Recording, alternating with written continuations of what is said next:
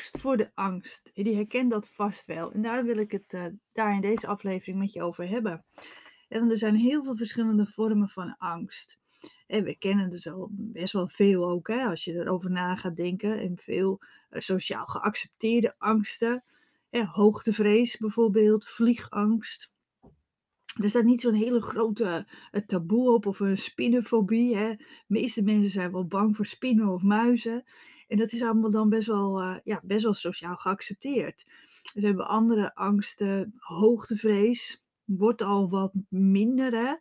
Uh, vind, vind, ik zelf altijd. Maar pleinvrees, hè, dat je um, uh, eerder wat straatangst krijgt bijvoorbeeld, of hypochondrie. En dat zijn natuurlijk ook allemaal vormen van angst, die we allemaal wel herkennen. En um, wat eigenlijk al die angsten een beetje met elkaar te ja, gemeen hebben, is dat je na verloop van tijd angst voor de angst kan ontwikkelen. Die kans is best wel groot. Je bent dan vaak niet eens meer bang om die situatie aan te gaan, maar wordt dan van tevoren bang uit angst voor die angst. Bijvoorbeeld die spinnenfobie, dat je al bang bent om, om in die kast te gaan achter, want daar kan een spin zitten. Maar ook angst voor die paniekaanval. Of omdat je ooit een keer in die supermarkt niet lekker bent geworden, kan het zijn dat je toch een angst bent gaan ontwikkelen voor die bepaalde situatie. Nou, daar gaan we het over hebben nu. Angst voor de angst, wat is dat dan eigenlijk? Eerst, wat is angst? 1 op de 5 Nederlanders heeft bewust of onbewust last van een angststoornis of fobie. Dat is dus 20% van de volwassen bevolking. Nou, ben jij van België, dan zal dat getal echt niet heel veel afwijken. Nou, de kans is heel groot dat jij dus iemand kent die hier ook last van hebt. Je collega, buurvrouw, buurman, familielid, vriendin, vriend. En toch, ondanks dat het dus 1 op de 5 is, staat er een taboe op en hebben we het er liever niet over. Maar wat is angst voor de angst dan eigenlijk en wat kunnen we eraan doen? Nou, angststoornissen, dat is een verzamelnaam voor onder andere paniekstoornis, straatvrees, sociale fobie, een dwangstoornis, een piekerstoornis, hypochondrie of bijvoorbeeld ingebeelde lelijkheid, hè, dat je jezelf gewoon helemaal niet mooi vindt. Paniek- en piekerstoornissen komen daarvan het meeste voor. Maar wat is angst dan, hè? Precies. Angst is een emotie die je helpt te reageren op gevaar. Hierbij gebeurt van alles in je lichaam door de aanmaak van stresshormonen.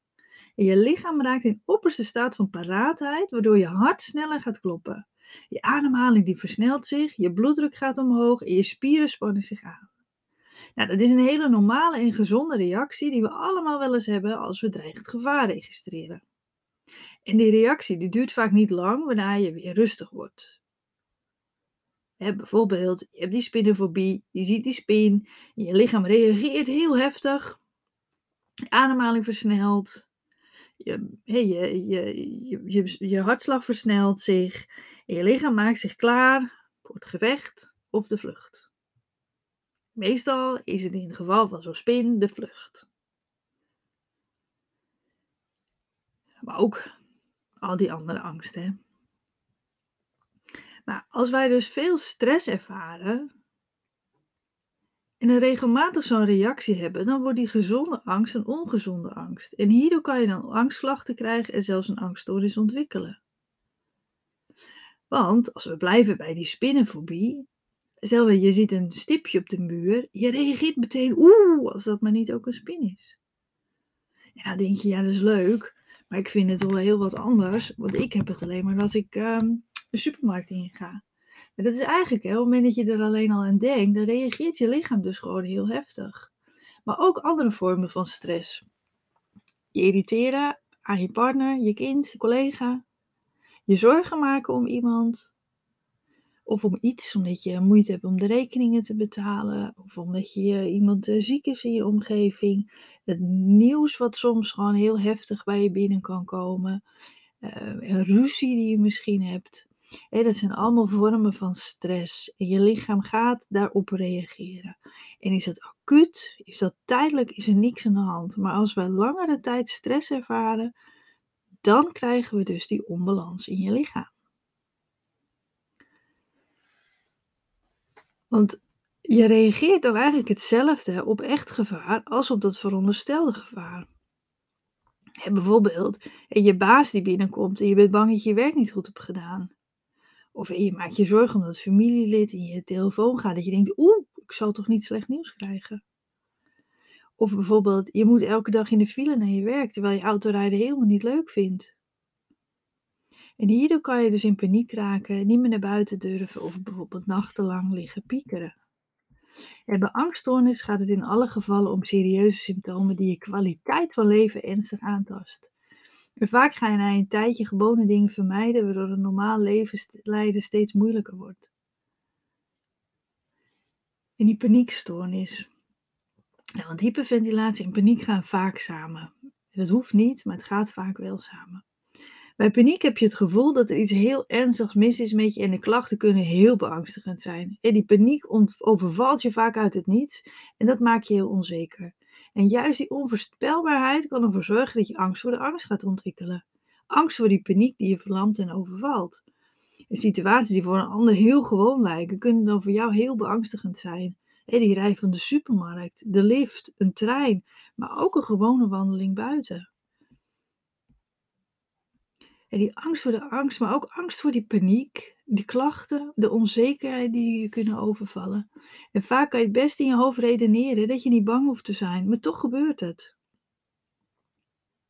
Want hè, als ik weer over, op die spin terugval, ja, je weet met je verstand gerust dat die spin zo'n klein beestje is dat hij je niks doet. En toch zijn we er bang voor. Of die rij van de supermarkt. Je weet best wel van, nou, er kan me eigenlijk helemaal niks gebeuren. En toch reageert je lichaam zo heftig, alsof er wel gevaar is. En dat zijn heel vaak situaties waar je angstig voor wordt, waar je eerder paniek hebt ervaren, die nu spanning geven. En vooral plekken vaak waar je niet weg kunt voor je gevoel. Zoals die vergadering of die, die rij van die supermarkt. Of plekken waar je heel ver weg bent, of ver weg bent van je veilige omgeving. Zo kan het idee van een vakantie op een vreemde plek voor heel veel stress zorgen. Of een andere verandering of nieuwe omgeving. En omdat je dan die omgeving niet kent, ja, kan dat best wel voor heel veel stress zorgen. Waardoor je eigenlijk angst voor die angst krijgt. Maar hoe doorbreek je dat nou? nou? Het is heel erg belangrijk dat je meer vertrouwen krijgt in jezelf. Dat is denk ik het belangrijkste. En jezelf leren geruststellen is hierin gewoon heel belangrijk. En de angst voor de angst ontstaat in je hoofd, waarop je lichaam reageert. Maar doordat je lichaam weer zo reageert, word je weer gevoeliger voor die gedachten. En zo zit je dus in die vicieuze cirkel. En de piekengedachte, wat als, het zal dus een stressreactie uitlokken, die hetzelfde is als een echte gevaarsituatie. En dus je gedachten leren omdraaien is dan heel erg belangrijk stapje voor stapje je angst overwinnen. Vaak willen we in één keer doorduwen in die angstige situatie. Maar door stapje voor stapje een moeilijke situatie aan te gaan, zal je eerder weer vertrouwen krijgen en steeds wat sterker worden. En stel jezelf een doel wat je graag weer wilt doen en verdeel die dan in kleine stapjes. Het liefst een eerste stapje die je aan kan, dus wat je nog wel net aandurft. Dat doe je dan een aantal keer totdat dat puntje steeds makkelijker afgaat. En dan zet je er een klein stapje bij. En weer een stapje die je net, net durft, maar wat wel weer verder is dan die eerste stap. En zo bouw je het steeds verder op. En tussendoor beloon je jezelf natuurlijk en geef je jezelf heel veel schouderklopjes dat je het maar wel weer doet. Want vaak worden we namelijk boos en teleurgesteld in onszelf als we iets niet durven of aankunnen. Maar dat boos worden op jezelf is alleen maar meer stress. En dat willen we juist vermijden. Dus spreek veel liever tegen jezelf. Wees trots op elke stap die je zet. En wees vooral niet boos als je een terugval hebt of als het een keertje niet lukt. Lichamelijk gebeurt er ook heel veel als we angstig zijn of stress ervaren. En je merkt dat aan die snelle hartslag, het zweten, het wazige gevoel in je hoofd bijvoorbeeld. Maar ook je spieren zullen aanspannen. En dit is wel iets waar je controle over kunt hebben wees je ervan bewust dat, alleen, dat als jij alleen al denkt aan een moeilijke, angstige situatie, jij je spieren zult aanspannen. Probeer dit dus bewust los te laten. En je voet op de grond te zetten, je tenen te ontspannen, maar ook je buik en je bilspieren bijvoorbeeld los te laten. En je schouders laten zakken en je gezichtsspieren ontspannen. En want die spierspanning die zorgt weer voor klachten. Namelijk duizeligheid, hoofdpijn, een wazige in je hoofd en bijvoorbeeld ook die druk of die pijn op de borstkas. En al die spanning zorgt er ook weer voor dat je niet goed kunt ademen. En waardoor je dus gewoon in die vicieuze cirkel terechtkomt. En die spierspanning, die kan je heel goed ja, bewuster van, steeds bewuster van worden en daar heel gericht op oefenen. Dus je zegt, ja, maar hoe doe ik dat dan? Dan kan je bijvoorbeeld eens een keertje kijken naar een online cursus over die spierspanning door hyperventilatie. Dan denk je, ja, maar het is de angst voor de angst. Wat heb dan die spierspanningen mee te maken? Heel veel. Want op het moment dat je er bewuster van bent, dat je die angst ervaart, dat je dan, dat je dan onbewust die spieren aanspant en je leert dat doorbreken, dan zal je merken dat je ook wat meer vertrouwen weer krijgt in je lichaam, omdat die lichamelijke reactie gewoon wat minder heftig is. Dus daar kan je ook echt heel veel winst behalen. En natuurlijk om je gedachten te leren ombuigen. Nou, dit ging over angst voor de angst. Dit kan je ook teruglezen op mijn website. Dus kijk zeker even op www.hyperventilatiecoach.nl. Via de zoekbalk kan je dan zoeken, bijvoorbeeld op angst of paniek of op je klachten, bijvoorbeeld duizeligheid of hoofdpijn. En dan krijg je alle uitleg te zien die ik daarover geschreven heb. En dat is inmiddels heel veel uh, uitleg en tekst die, uh, ja, die je daar kunt vinden. Daarnaast heb ik natuurlijk ook heel veel andere afleveringen al uh, in de podcast voor je opgenomen, die je ook kunt gaan luisteren. Nou, bedankt voor het luisteren weer en tot bij een volgende aflevering.